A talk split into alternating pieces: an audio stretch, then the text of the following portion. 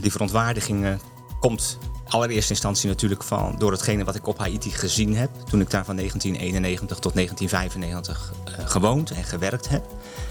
Hoe je mensen ontmoet die in uh, barre omstandigheden hun leven proberen vorm te geven. met, met alle goede intenties en heel veel moed en hoop ook. Maar tegelijkertijd door omstandigheden telkens weer worden teruggedrukt. geen kans krijgen om zich te ontwikkelen zoals ze zelf willen.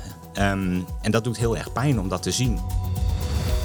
Welkom bij Werelddelen, de podcast. De podcast van Woord en Daad over de wereld, over delen en over de hoop. Wij zijn Rijnke en Jacoline en we gaan in gesprek met gasten en collega's over thema's in de ontwikkelingssamenwerking. Vandaag gaan we in gesprek met Marcel Katsburg en Vena Nieuweling over het thema vooruitgang in een kapot systeem. Is er hoop voor Haiti? Vena, je bent geboren op Haiti. Je hebt een familie en je runt de stichting Passie voor Haiti. Heel hartelijk welkom in de podcast. Dankjewel. Marcel, jij bracht in 2019 het boek eh, Grond zonder rust uit over breuklijnen in Haitiaanse bodem. Je hebt in de jaren 90 in het land gewerkt en je blijft erbij betrokken. Ook jij van harte welkom. Dankjewel. Ik wil eigenlijk even beginnen met het boek. Um, nou, je hebt in 2019 dit boek geschreven bijna 400 pagina's over de geschiedenis van Haiti. En hoe het nou komt daar, dat de grond daar geen rust heeft. Um, ik wil eigenlijk even een klein stukje voorlezen. Jij zegt: Het schrijven was een uitlaatklep voor mijn verontwaardiging over het onrecht dat in het verleden en niet minder in het heden Haiti en de Haitiaanse bevolking is en wordt aangedaan. Kun je daar iets over zeggen? Waar die verontwaardiging vandaan komt? Ja, die verontwaardiging uh, komt allereerste instantie natuurlijk van door hetgene wat ik op Haiti gezien heb. Toen ik daar van 1991 tot 1995 uh, gewoond en gewerkt heb. Hoe je mensen ontmoet die in uh, barre omstandigheden uh, hun leven proberen vorm te geven. met, met alle goede intenties en heel veel moed en hoop ook. Maar tegelijkertijd door omstandigheden telkens weer worden teruggedrukt. geen kans krijgen om zich te ontwikkelen zoals ze zelf willen. Um, en dat doet heel erg pijn om dat te zien. En dat zijn vaak maatschappelijke structuren die daarvoor zorgen. En achter die maatschappelijke structuren gaan vaak gewoon belangen schuil van nou, leiders of leidinggevenden of machthebbers. Um, en dat vond ik, vond ik gewoon ontzettend moeilijk om dat te zien. En dat wilde ik begrijpen. Ook uh, door de geschiedenis heen. En daarom heb ik dat boek geschreven. Op Haiti uh, heb ik op een gegeven ogenblik ergens een houten bel gekocht. Een soort uh, mooi vormgegeven belletje. En daar stond een tekst op. Uh, niemand luistert naar de roep van de armen. Uh, het is als het geluid van een houten bel. Dus de stem van de armen, de stem van hen die onrecht worden aangedaan, die wordt gewoon niet gehoord. Want die, ja, mm. die vindt geen weerklank. Het is een houten bel. Dat klinkt niet. Mm. Dat, dat, geluid reikt niet ver. Mm -hmm. Niemand hoort het. Je zou zelfs kunnen afvragen, willen mensen de stem van de onderdrukte, van de armen, uh, willen mensen die stem wel horen? Ja. Want dat doet altijd een appel op jou als, als hoorder dat er iets mm. moet gebeuren. En willen we dat eigenlijk wel? En wie bedoel je dan met we? Willen we? Nou, misschien, misschien wij ook wel in het, uh, in het Westen, uh, of in het rijke Noorden en Westen. Zijn we nou echt bereid om consequenties te trekken uit datgene wat we in een land als Haiti zien gebeuren? Armoede, uh, onrecht, geweld, onderdrukking. En durven we ergens te zeggen van ja, dat heeft ook te maken met de manier waarop wij ons in het verleden hebben opgesteld tegenover landen als Haiti. Ja. Uh, maar ook misschien in het heden. Als je kijkt naar internationale verhoudingen, economisch systeem. Um, onze levensstandaard vergelijken met de levensstandaard van mensen op Haiti of andere landen in het Global South en het brede mhm. zuiden. Ja. Um, ja, dan ben ik bang, en ik moet mezelf daarbij insluiten, dat we vaak uh, ons heel comfortabel voelen met onze eigen situatie. Mm. En, uh, en, slechts weinig doen aan het verbeteren van de situatie van mensen elders. Ja. Nou, en uit een beetje die verontwaardiging, speciaal dan gericht op Haiti, dacht ik, nou wat ik kan doen is om dit op papier te zetten en als het ware zo beetje de stem van die mensen op Haiti hier in Nederland te laten klinken. Ja, het is een mooie boek geworden, maar ook wel frustrerend om te lezen. Ja. Uh, Vena, herken je die verontwaardiging? Je zegt, ja, je gebeurt onrecht en ja, dat verontwaardigt mij, daar word ik boos om. Ja, zoals andere Haitianen uh, dan vraag je zich af van waarom bijvoorbeeld dat Haiti zoveel geld moet betalen aan Frankrijk voor, voor de vrijheid. Wat, wat kun je dat Ja. even uitleggen? Wat- Haiti betaalt? Hoeveel miljoenen? Dat alles wat Haiti gedaan heeft in het eh, verleden, dat is, dan moet Haiti allemaal terug moet betalen. Omdat Haiti vrijheid heeft eh, genomen. Ja, toen ze vrij werden, toen heeft Frankrijk afgesproken dat ze Ja. moeten blijven betalen. Ja, En dat loopt nu nog steeds. Nou ja, tot eh, een bepaalde tijd had ik ber- berichten gehoord dat dat wel terug zal geven aan Haiti, maar tot nu toe. Dus dan, Haiti komt niet vooruit door alles wat, wat er gedaan werd, werden, allemaal terug moesten naar, naar, naar Frankrijk. En dat is nu nog steeds zo? Nou ja, nu is geen regering. Ik, ik, eh, maar het was eh, in het verleden, misschien Marcel weet iets meer daarover. Maar ik denk dat dat. eh, het geld is nog in Frankrijk, niet op Haiti. Nee. Dus miljoenen eh, US dollars naar Frankrijk, terwijl Haiti alleen maar armer, arm. Dus dan uiteindelijk, ehm, ja, Haiti heeft de titel van de armste. Ja, het armste land van het het- halfrond, Ja, maar dat is niet voor niks. Nee. Dat is, eh, Dat is mede daardoor. Ja, ja. Maar ook, eh, zoals Marcel heeft net gezegd, van ehm, net als oligarchen, die komen ook uit eh, eh, andere landen, die komen op Haiti.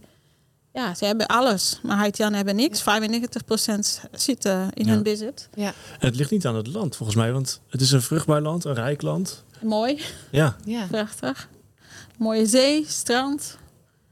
Je hebt alles, En- maar toch eh, lukt het niet om, om vooruit te komen. Ja, eigenlijk. maar zo kan je ook niet vooruit gaan. En, en nu, ja, ehm, Haiti zit nu in een eh, heel, heel diepe crisis. Waar alle landen die Haiti zou misschien kunnen helpen. Maar ze kijken gewoon, eh, ja, jullie moeten het zelf doen. Alsof, ja, hadden wij niet moeten bestaan. En dat is echt onrecht. Mm. ja. En ik las eh, in het boek dat er wel sprake is geweest van economische groei. Tijd. Ik weet niet of jij daar iets van weet of dat ik dat aan eh, Marcel kan vragen.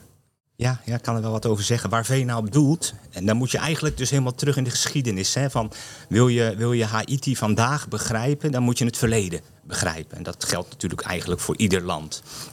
Dat verleden merk je dat, ehm, dat Haiti heel erg onder druk heeft gestaan van wat er in de rest van de wereld gebeurde. En laten we even teruggaan naar ehm, 200 jaar geleden, 1804, is Haiti onafhankelijk geworden. Eerste Eh, land. Eerste land waar Ja, de slaven ja. onafhankelijk Ja, zijn. dus we, Vena noemde net even, Haiti is het armste land van het westelijk halfrond. En dat, dat is een soort, eh, soort bijnaam van Haiti Ja. geworden. Maar je zou ook kunnen zeggen, Haiti is het eerste en enige land dat als gevolg van een slavenopstand onafhankelijk is geworden. Haiti is ook het eerste land ter wereld waar de slavernij werd afgeschaft. Hè? Dus ergens heeft Haiti Ja. in het verleden een hele belangrijke rol gespeeld in de emancipatie van, van zwarte mensen, in het loskomen van een slavernijverleden. Een hele krachtige rol ook. Een hele krachtige rol heeft Haiti gespeeld. Hebben de Haitianen gespeeld. Ja, Ehm, en dat kwam ze niet aanwaaien. Daarvoor hebben ze strijd moeten voeren tegen destijds de dominante legers uit die periode. En dan moet je denken aan de legers vooral van Napoleon Bonaparte, de Franse legers. ja. Nou, Haiti is dus in 1804 afhankelijk geworden en het was een, eh, het was een Franse kolonie. Het was een ontzettend welvarende kolonie waar heel veel geld verdiend werd, maar ten koste van heel veel slaven. Eh, het- Haiti werd wel de parel van de Caraïben genoemd, maar dat was natuurlijk wel vanuit het perspectief van de witte Franse regering, vanuit het perspectief van veelal witte plantage-eigenaars, die ontzettend rijk werden, maar letterlijk over de ruggen Van eh, een hele grote groep eh, zwarte vanuit Afrika aangevoerde eh, tot slaafgemaakte mensen. ja. Nou, dat systeem kwam, eh, daar kwam een einde aan in 1804. Maar daarmee had Haiti nog wel haar vrijheid ter plekke bevochten. Maar in het hele internationale verkeer werd ze behandeld als een paria. Want niemand in de westerse wereld wilde dat die slavenopstand zich zou uitbreiden, verspreiden naar Amerika bijvoorbeeld, waar natuurlijk nog gewoon een plantagesamenleving was. Ja. Dus wat Haiti heel erg nodig had, was internationale erkenning. En die erkenning kon ze alleen krijgen om richting haar voormalige koloniale overheerser te zeggen: Oké, wij gaan jullie schadeloos stellen voor alle schade die jullie geleden hebben in ons land. Echt de omgekeerde wereld. Nou, Het Ja, was echt de omgekeerd, omgekeerde ja. wereld. Eh, en om die schadeloosstelling te betalen, moest Haiti leningen aangaan. Ja, bij wie? Bij Franse banken. Ja. Dus eigenlijk is Haiti ook het eerste land dat een soort ehm, ja, schuldencrisis. Al in het begin van de 19e eeuw had, zat Haiti al met een enorme zware hypotheek. Ja, ja. Terwijl ze het land nog moest gaan opbouwen na een periode van tien jaar slavenopstand, hè, revolutie. Ja. Dus het was een enorme opgave. Dus Haiti begon al met, als het ware, een flinke Ja, achterstand. 10 jaar achter, Ja.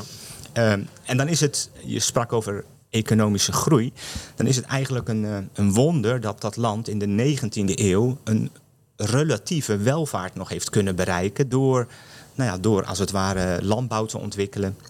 Eh, de gewoonheid, Sjaan, die eh, het werk deed op het land, eh, landbouwproducten afleverde, suiker en allerlei andere producten. Ehm, en dat tot eind van de 19e eeuw nog relatief een, go- een goede economische situatie is geweest. Op En. Frankrijk speelde daar geen rol meer in? Frankrijk verdween in, in die tijd langzaamaan naar de achtergrond. Eh, maar die rol is gaandeweg overgenomen door de Verenigde Staten. Natuurlijk een grootmacht in opkomst. Ja. En de Verenigde Staten hadden ook allerlei belangen weer bij Haiti. Wel- welke belangen denk, moet ik Nou, bijvoorbeeld eh, ehm, eh, politiek. ehm, ehm, bijvoorbeeld in, die tijd werd het Panama-kanaal gegraven. Hè, dus de Oh, ja. verbinding tussen, dwars door Panama. Ja. Om als het ware het Caraïbisch gebied of de Atlantische Oceaan te verbinden met de Grote Oceaan. Dat was geopolitiek een ontzettend belangrijke verbinding. Ja. Maar dan moest je wel de, de omgeving veiligstellen. Nou, Haiti lag precies op die doorgangsroute naar het Panama-kanaal. Ja. Dus Amerika kreeg gewoon militaire belangen in Haiti. Ja. Ehm, rondom de Eerste Wereldoorlog waren best veel Duitsers op Haiti. Die behoorlijk invloedrijk waren. Maar Amerika was bang dat het een soort basis zou worden voor, voor Duitse onderzeeboten. Ehm, nou, en moest daar dus, ging daar dus op dat moment ook militair optreden. Ehm, met als gevolg in 1915 Amerikaanse bezetting van Haiti.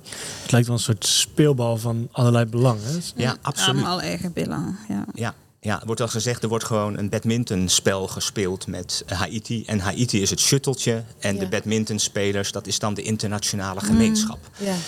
Ehm, en dat is, nou je had het net over verontwaardiging. Ja. Eh, daar word ik gewoon ontzettend boos over. Ik denk van ehm, machtige westerse landen die eigenlijk al heel veel hebben. En ook trouwens een lokale eh, elite.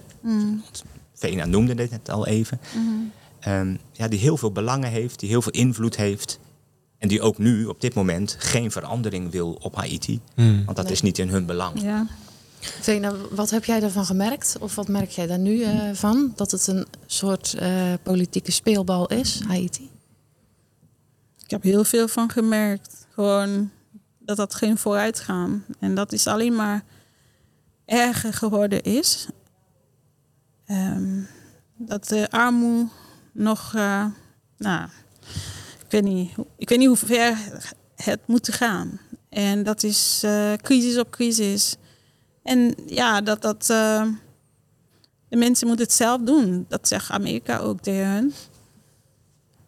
En ja, dat de mensen altijd ook moesten zelf doen. En ook nu. Hoe, dat is nog de vraag. Want juist na, van de zomer hebben, is er een aardbeving geweest. Hè? Is dan nu de reactie van ehm, Haiti moet het echt zelf uitzoeken? Het is, eh, het is altijd zo geweest. En we- toen in de, de aardbeving van 2010, toen is juist heel veel misgegaan met heel veel hulpgeld, toch? Dus toen was er wel geld, maar dat ging dan, dat kwam ook niet bij de goede mensen terecht. Daar kunnen we het misschien zo meteen nog even. Ehm, ja, in 2010 er waren heel veel hulpverleningen naar Haiti gegaan. Er waren ook eh, heel veel mensen die geld hebben gegeven aan Haiti. Maar ehm, de regering wist er ook niet heel veel van, heb ik begrepen. Dus dan door eh, de regering van Haiti en NGO's. Ze zijn niet nu tegenwoordig als NGO's naar Haiti gaan, dan moeten ze contact met hen opnemen. Dus dan ze er, kijk, de vertrouwen van NGO's naar de regering. Van, oh, Haiti is, de regering is corrupt. En daardoor gaan ook eh, de NGO's eigen gang. Ja. Ja. En dan, ja, is kip en ei, zoals Marcel net zegt. Dus dat, ehm, dat de mensen, zeg maar, wat, wat, wat mensen geld hebben, de men, het geld dat de mensen hebben gegeven voor Haiti zou heel veel kunnen doen voor het land. Maar op deze manier, eh, het schiet niet op zo. Hmm. Nee. En Marcel zei net ook van de lokale elite speelt er ook een grote rol in. Hoe, hoe zie je dat? Zijn dat bepaalde families? Ja, rijken blijven rijken en armen is alleen maar armer geworden. En armen hebben, kunnen niet eens lezen. Dus bijvoorbeeld die dorp waar ik vandaan kom. Het is een dorp dat... eh, ja, ik ben daar opgegroeid zonder luxe, zonder stroom. Zonder, maar dat, voor mij was het Ja. normaal. En allemaal mensen die niet kunnen lezen. Ja, het is gewoon zo. Dan wel van de natuur. Wat ze in de, in, het, in de grond hebben gekweekt of gezet. En daar leefden wij van. En dat is nog steeds zo. Maar ja, door de natuurrampen, dan hebben zij nu inmiddels niks meer. Kun je dat dorp eens omschrijven? Je zegt van ja, ze leven van eh, akkerbouw dan, denk ik. Dus van kleine stukjes grond waar. Ja, gewoon eh, zeg maar een stukje grond dat zij hebben.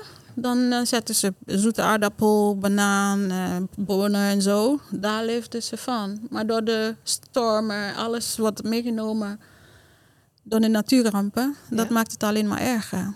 Ja. En daarom eh, met onze stichting Passie voor Haiti zetten wij alleen maar ehm, om te proberen om de mensen daar te helpen op die manier. Misschien kun je daar En- nog iets over vertellen. Je, hebt, eh, je hebt zelf een stichting opgezet. Nou, eh, onze stichting Passie voor Haiti, mijn man is voorzitter daarvan sinds 2014. Omdat wij de de hele Haiti niet kunnen helpen. Wij zijn focussen in het, eh, in het dorp waar ik geboren ben, omdat wij daar gewend zijn om elkaar te helpen. Eh wij aten met elkaar toen ik jong was, toen ik daar opgroeide. Wij, eh, en nu is het moment om een beetje deze mensen ook een beetje terug te, te helpen, zover wij kunnen. Met, net als de na deze aardbeving, 8 14 augustus, dan kwamen zoveel mensen bij mijn moeder. Meer dan 40. Ja, het getal was zoveel, waren zoveel. En ehm, eh, mensen kwamen ja, bij mijn moeder schuilen, ook maar om te eten.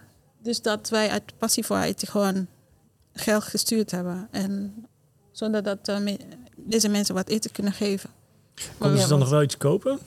ze konden wel iets kopen, gelukkig. En dan, ehm nou, sommige, om, toen zij wat geld hebben gekregen, konden ze een deken of een laak of zo. Dat ze proberen zelfstandig te zijn, eigen, naar eigen eh, hutje te gaan. Maar als het ging regenen, dan, eh, dan komen ze weer terug bij mijn moeder. Ja. ja. Hoe is het voor jou om in Nederland te wonen terwijl jouw familie nog eh, op Haiti woont? En dan hoor je het nieuwsbericht dat er weer iets eh ernstigs is gebeurd. Hoe is dat voor jou? Voor nu of toen ik het hoorde? Ehm, nou, toen je het hoorde, maar ook nu. Ja, toen ik het hoorde, dan uh, ik geloofde mijn hersen niet. Dan dacht ik van, nou, niet Haiti weer. Dat, uh, dat zou ik, dat, want de, dat was vlak daarvoor was de president van Haiti uh, vermoord. Ja. Ja. En dan dat dat een aardbeving weer, dan dacht ik, nou, dat, dat is niet zo. Dat kan gewoon niet weer. En uh, het was een realiteit. En sterker nog, dat was precies waar mijn ouders, mijn familie wonen. In de buurt. En uh, mijn zus was bijna, heeft, het, is, heeft het net gered met een kind. Dus dan um, dat ik hier ben, dan ben ik wel dankbaar dat ik hier ben, niet daar. Want anders had ik hen nee. niet kunnen helpen. Dan had ik, uh, ja, dan zou, zou ik, dan zou hun, hulp voor hen ook uh, niet alleen maar hun helpen, maar ook, ja. zij helpen ook de rest. Ja, het bereik is natuurlijk groter. Ja, ja. dus dan. Uh, ja, dat is heel mooi dat je dat kan doen. Ja, ja dus het is dankbaar dat ik hier ben. Ja. Niet daar op nee. dit moment, want, want daar is crisis op crisis. Ontvoeringen, onveiligheid. Geweld. Geweld. Ja. Geen benzine. Ziekenhuizen gaan dicht. Scholen, kinderen gaan niet naar school. Banken gaan dicht. Ik had het allemaal gehoord gisteren. Ik dacht, oh lord. En water is een luxe. Zelfs water. Ja. Zo. Dus dan... Uh, ja, niemand wil dit meemaken. En mensen hier nee. kan het niet voorstellen hoor. Nee, nee je kan het je niet voorstellen. Nee, situatie. dat, uh, het, maar toch, weet je, de mensen proberen toch hoe moeilijk het ook is, probeer, pro- ze proberen gewoon eh, verder te gaan. Mhm. En dat is. eh, want ik zeg altijd van, we hebben geen antidepressiva. dus we moeten doorgaan. En met elkaar word je sterker. Dat is onze vlag hoor. Het staat op de vlag, toch? Ja, Lunio Zag ik Vella. Vos. Ja. Ja. En dat, mag ik daar, mag ik Ja, daar wat ja. over zeggen? Ja. Eigenlijk is dat een, eh, een verhaal dat niet zo heel veel gehoord wordt. Eh, in, bijvoorbeeld ook in Nederland. Hè. Wij horen, we spreken over Haiti als het armste land van het westelijk halfrond. En daarmee zetten we een punt en dan is het wel duidelijk van het is niet best daar. en dan ontstaat er een soort beeld van een land waar nooit iets goed gaat, waar het altijd fout gaat. Een land dat kapot is, dat stuk is. En ja, er is heel veel mis. Maar als je nu bijvoorbeeld kijkt naar hoe Haitianen zelf in deze tijd van aardbeving en de periode daarna eh, zich hebben ingezet om elkaar te helpen, om zoals Vena's moeder eh, onderdak te verlenen aan twintig mensen tegelijk in toch al krappe huisvesting, zie je dus tegelijkertijd een enorme solidariteit onder de, onder de mensen. Ehm, En een veerkracht ook, want En- je zou bijna de moed laten zakken. Ja, je kunt je afvragen van verplaats jezelf eens in die situatie en Ja. wat gebeurt er dan met je? Ga je dan bij de pakken neerzitten? Of zeg je van nee, dit kan niet en we, gaan, we, moeten, we moeten verder en we moeten samen verder. Ja. Bij IT noemen ze dat uh, Yon et de lot. Ja. We helpen elkaar. En dat heeft Ja. toch ergens iets te maken met een hele diep gewortelde solidariteit. Dat mensen, eh, als het erop aankomt, eh, voor elkaar opkomen, eh, elkaar helpen, elkaar verder helpen. En dat de Haitianen eigenlijk de first responders zijn na aardbevingen. Wat, wat in het nieuws komt zijn NGO's die goed Ja. werk Ja. doen. En Dat die doen, lees je. fantas- Dat die doen fantastische werk. Hè? Ook, Ja. ook nu na deze aardbeving, absoluut. Hè? Ja. Eh, maar het zijn vooral Haitianen die Haitianen helpen. En ook Haitianen die veel beter dan ehm, veel westerse organisaties weten waar de noden liggen, waar de zorgen zijn, wat nodig is. ja. En, en overigens is dat dus eh, in de hulpverlening na deze aardbeving stukken beter gegaan dan tijdens de aardbeving in 2010 en de hulpverlening toen. Dus Mag ik daar nog iets over Ja, zeker. quoten? Ja. Over eh, hoe het na de aardbeving in 2010 ging? Is de vraag van, heeft de aardbeving Haiti's afhankelijkheid van buitenlandse donoren vergroot? Of is de ramp het moment geweest voor de Haitiaanse overheid en samenleving geweest om meer het heft in eigen handen te nemen? Een rapport maakte in 2011 duidelijk via welke kanalen de humanitaire hulp besteed was. Het betrof op dat moment een bedrag van 2,4 miljard dollar, waarvan 34% ging naar de eigen militaire en civiele organisaties van de donoren. 28% ging naar de organisaties van de Verenigde Staten en naar internationale NGO's. 26% ging naar andere NGO's en naar particuliere onderaannemers. 6% is niet nader omschreven, 5% naar de Rode Kruis en 1% ging naar de Haitiaanse regering. Nou, ik schrok wel toen ja, ik dit dat las. is bizar als je dat leest. Ehm, hoe komt het nou dat die Haitiaanse regering zo buiten, buiten schot wordt gehouden? Of bij, eigenlijk helemaal buiten spel staat? Op zo'n moment. ja. Zal ik het doen? ja, ga jij maar even. Ja. Nou ja, dat is net wat wij zeiden van... ehm, ja, Haiti is corrupt. Dat weet iedereen inmiddels. maar ehm, ik kan me niet voorstellen dat in Nederland... dat allemaal mensen binnenkomen en doen wat zij willen. Omdat de regering van Nederland corrupt is. Snap je? Nee, dat, Nee. dat gaat compleet langs, langs elkaar heen dan. Dat, dat kan je inderdaad niet voorstellen. Ja, nou dat. Dus als, als ehm, heel veel NGO's, die hebben zoiets van... ja, de regering van Haiti, Haiti is corrupt... dan gaan wij onze eigen dingen doen. En dus dan gaan wij geen contact opnemen met de, met de regering... want ze zijn corrupt. Nou ja, Dus dat. trekken ze hun eigen plan. Ja. Dus, Dus eigenlijk zou je zeggen, als de westerse wereld Haiti zijn gang zou laten gaan, mhm. dan zou dat een eh, sleutel tot verandering zijn. Nee, maar ons in samenwerking. Samenwerking. Ja. Van, kijk, het zijn wel inderdaad corruptie, maar toch, ehm, als je samen gaat werken, dan ga je er- elkaar in ogen kijken van, oké, we gaan eh, alles onder controle. Als je samen met, sorry, met de regering gaat werken, dan, dan kunnen zij meer bereiken Ja. van ehm, ehm, waar, is het nood, waar, waar is het eerst nodig, wat moeten wij doen, wat gaan wij doen, maar niet eigen plannen. Maar tenminste, Nee. dat is mijn mening. Hè? Ja.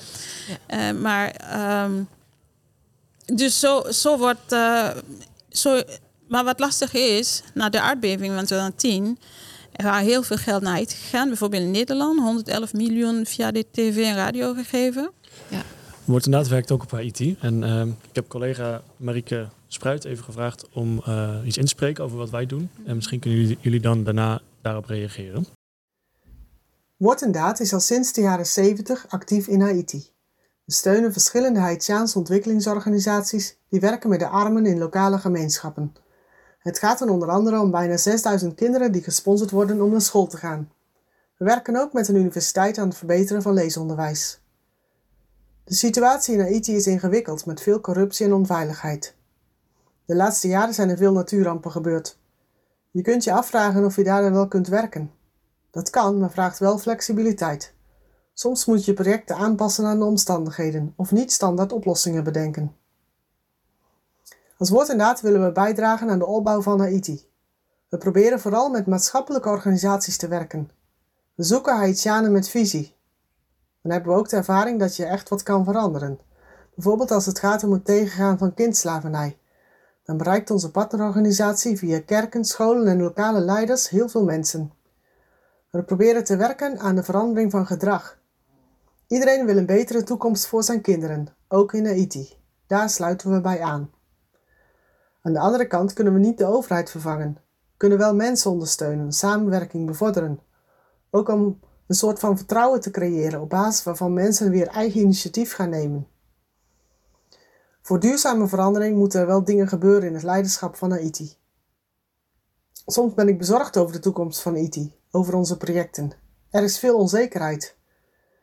Maar ik kreeg recent nog een bericht dat je niet moet wachten op het ideale moment om iets te doen. Gewoon stappen zetten. Vertragen als het moet. Maar wel present blijven voor de kwetsbaren. Mooi dat was... eh, oh, sorry. Ja, mooi vertel.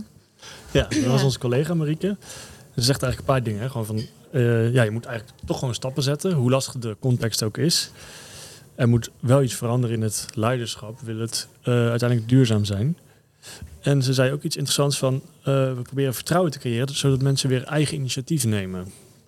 Kunnen jullie eens een paar van die dingen reflecteren? Ik heb persoonlijk, voordat ik op die vraag kom, ik wou even mijn moment die ik in de buurt waar Wort en dat heb gewerkt. Tenminste, ik weet niet dat ze nog steeds werkt, maar in Gormorn, daar heb ik gewoond. En daar zag ik het werk van Wort en dat, heb ik eh, echt veel waardering voor. Dat, hoe de kinderen blij waren met eh, hun eh, gele, witte shirt, uniform met de grijze broek. En hier een rokje. Ehm, het een gele strikje, die onthoud ik nog. Dat is heel Ja. lang geleden, maar het was zo Ja. mooi. Ja, en mooi. ehm, zeg maar dat de kinderen zo blij waren dat ze naar school konden gaan. Door wordt en dat. En dan de ouders ook helemaal, want dat kostte hen ook eh, ehm, ja, wij, of, bijna, of weinig of geen geld. Ik weet niet meer hoe, hoe de structuur is, maar in ieder geval de ouders eh, waren blij dat hun kinderen naar school gingen. Ja. Want ik was, ik, eh, ik was vriendin met de, met, de, met de vrouw van de voorganger. Dus ik heb allemaal eh, dichtbij kunnen zien en meeleven. Ja, En dat was echt eh, waardevol werk, zeg maar. mooi dat je het hebt gezien. Ja, dankzij onze sponsors. Hè? Ja, Ja. dat is 6000 sponsorkinderen zijn Marieke. Dat is eh, echt wel- geweldig eh, werk. Zeker. Ja.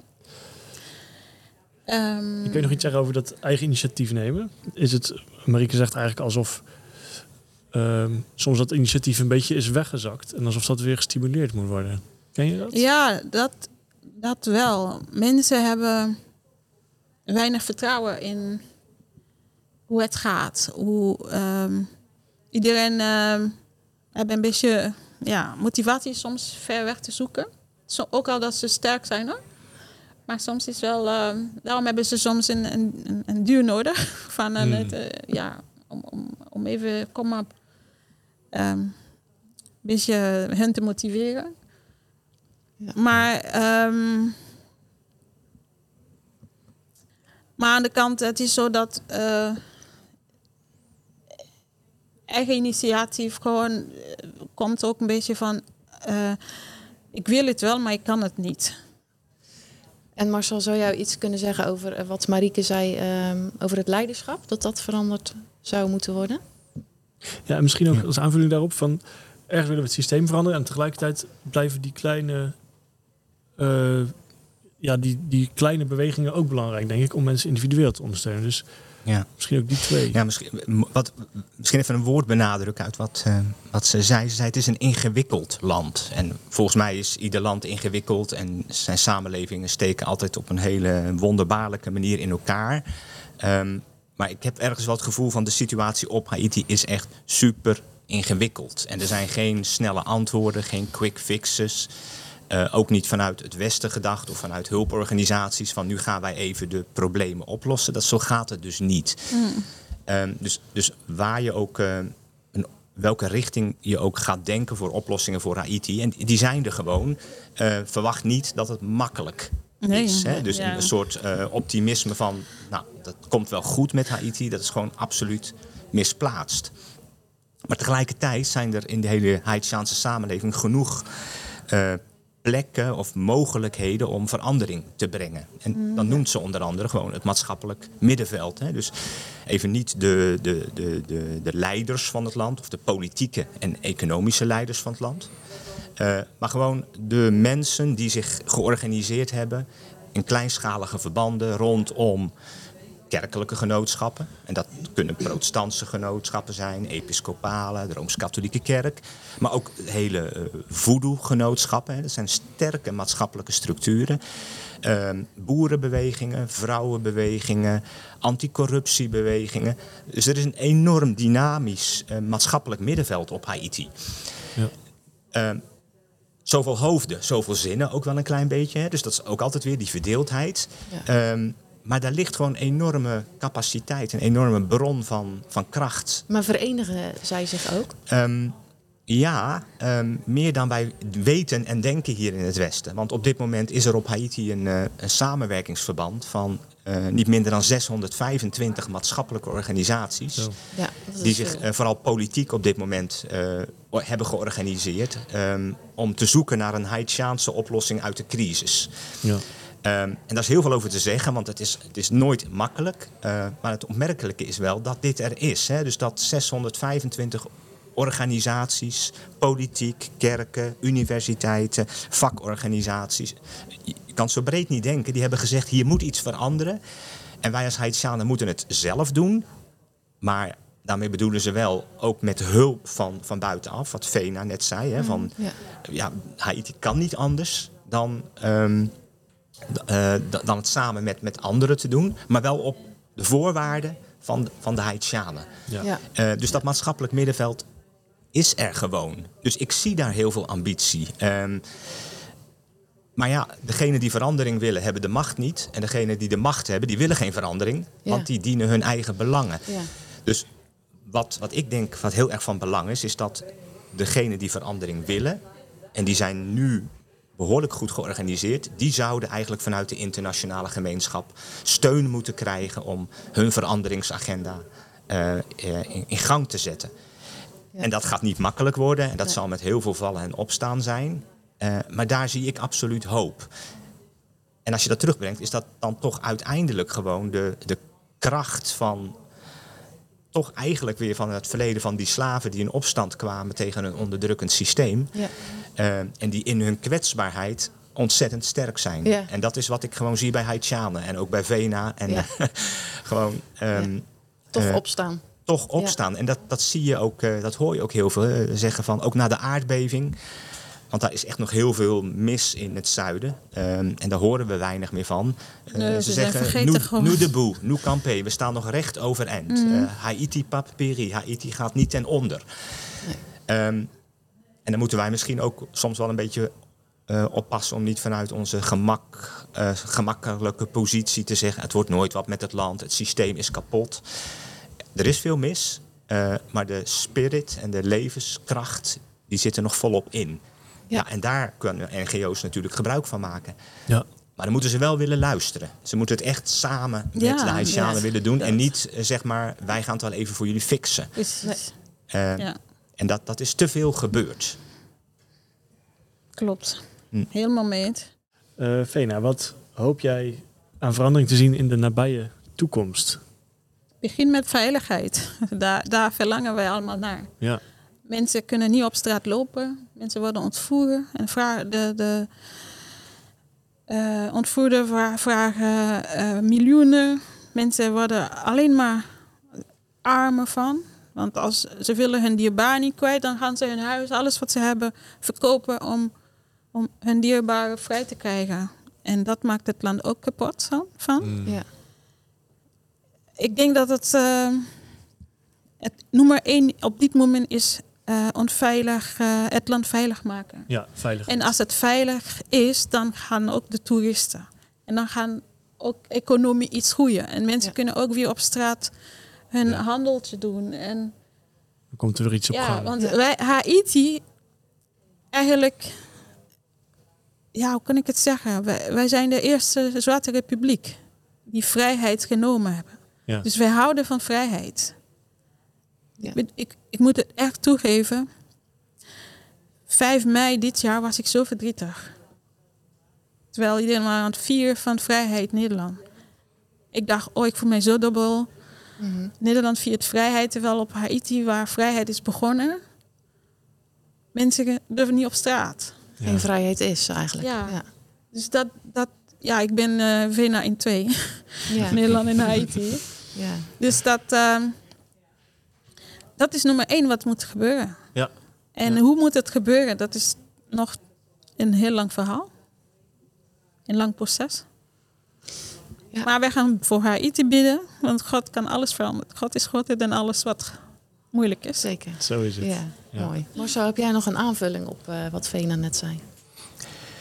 Nou ja, ik hoop echt dat, dat er vanuit. Kijk, nee, Haiti heeft de internationale gemeenschap nodig. Dat, dat is gewoon duidelijk. Maar dat dat in een gelijkwaardige relatie zal gebeuren. En dat dan ook die internationale gemeenschap zich gaat richten tot de mensen die echt het volk vertegenwoordigen. En niet tot de hele kleine groep van hen die de politieke en economische macht op Haiti in handen hebben. Dus ik denk dat een, dat een hele belangrijke stap is. En dan zal er ook veiligheid komen, want dan kan er echt opgebouwd gaan worden. Dat is iets waar ik niet zo heel veel ja. aan kan doen. Um, waar ik wel wat aan kan doen, um, is denk ik van. Um, ik zie heel veel hoopvolle ontwikkelingen op Haiti. En dat zit gewoon in hoe mensen als bijvoorbeeld de moeder van Vena haar huis openzet voor mede-Haitianen uh, om onderdak en om steun. Hè? Dus de, de mensen helpen elkaar echt. En er zijn ontzettend veel van dit soort verhalen. Dus ik denk ook dat er in Nederland uh, echt uh, dat het goed zou zijn als er meer hoopvolle verhalen over Haiti worden verteld. Mm-hmm. En misschien niet alleen over Haiti, maar ook over andere landen. En ja, ja. ik denk dat daar ja. ook een taak voor woord en daad ligt. Hè, om, om vanuit hoop te communiceren. Wat willen we nou bereiken met dit soort landen? En wat gebeurt er eigenlijk al? Maar zien we niet. Er gebeuren ook mooie dingen. Er gebeuren die, echt ontzettend veel mooie en goede dingen. En die mogen ook echt verteld worden. Ja. Mooi. Mooi. Mooie afsluiter zo, denk ik. Oh, oh sorry, Veen. Natuurlijk, hoop moeten wij blijven houden voor Haiti. Ja, ja. zeker. Tuurlijk. En ja. de mensen die daar wonen, ze zijn gewoon mensen. En als wij zeggen van er is geen hoop, moeten, wij, moeten zij gewoon, uh, wat moeten zij doen? Ja. Dus ja. het zijn onze medemensen. Het zijn uh, mensen die daar leven, die vechten om, om te overleven. En wij gunnen hen ook het beste. Ja. Absoluut. Maar met God, inderdaad. Ja. Dat zei Marieke ook, hè, van iedere ouder, Nederland of Haiti, wil een betere wereld voor zijn kinderen. En dat, Tuurlijk. Ja. dat is universeel. Hè? Ja. ja. En nog steeds, mijn moeder is zo trots dat zij op mij op school heeft gezet. Want zij, ja. zij kan zelf niet lezen. Dus ik had het ook uh, daar kunnen zijn als ik niet naar school ben geweest om, om het leven verder te zoeken. Ja. Goed, zullen we hem afronden? Zeker, dat denk ik ook. Bedankt voor het gesprek. Ja, graag, graag gedaan. Mooi. Bedankt jullie wel. Ja, bedankt dat je luisterde naar deze podcast. Over twee weken zijn wij weer. Tot dan.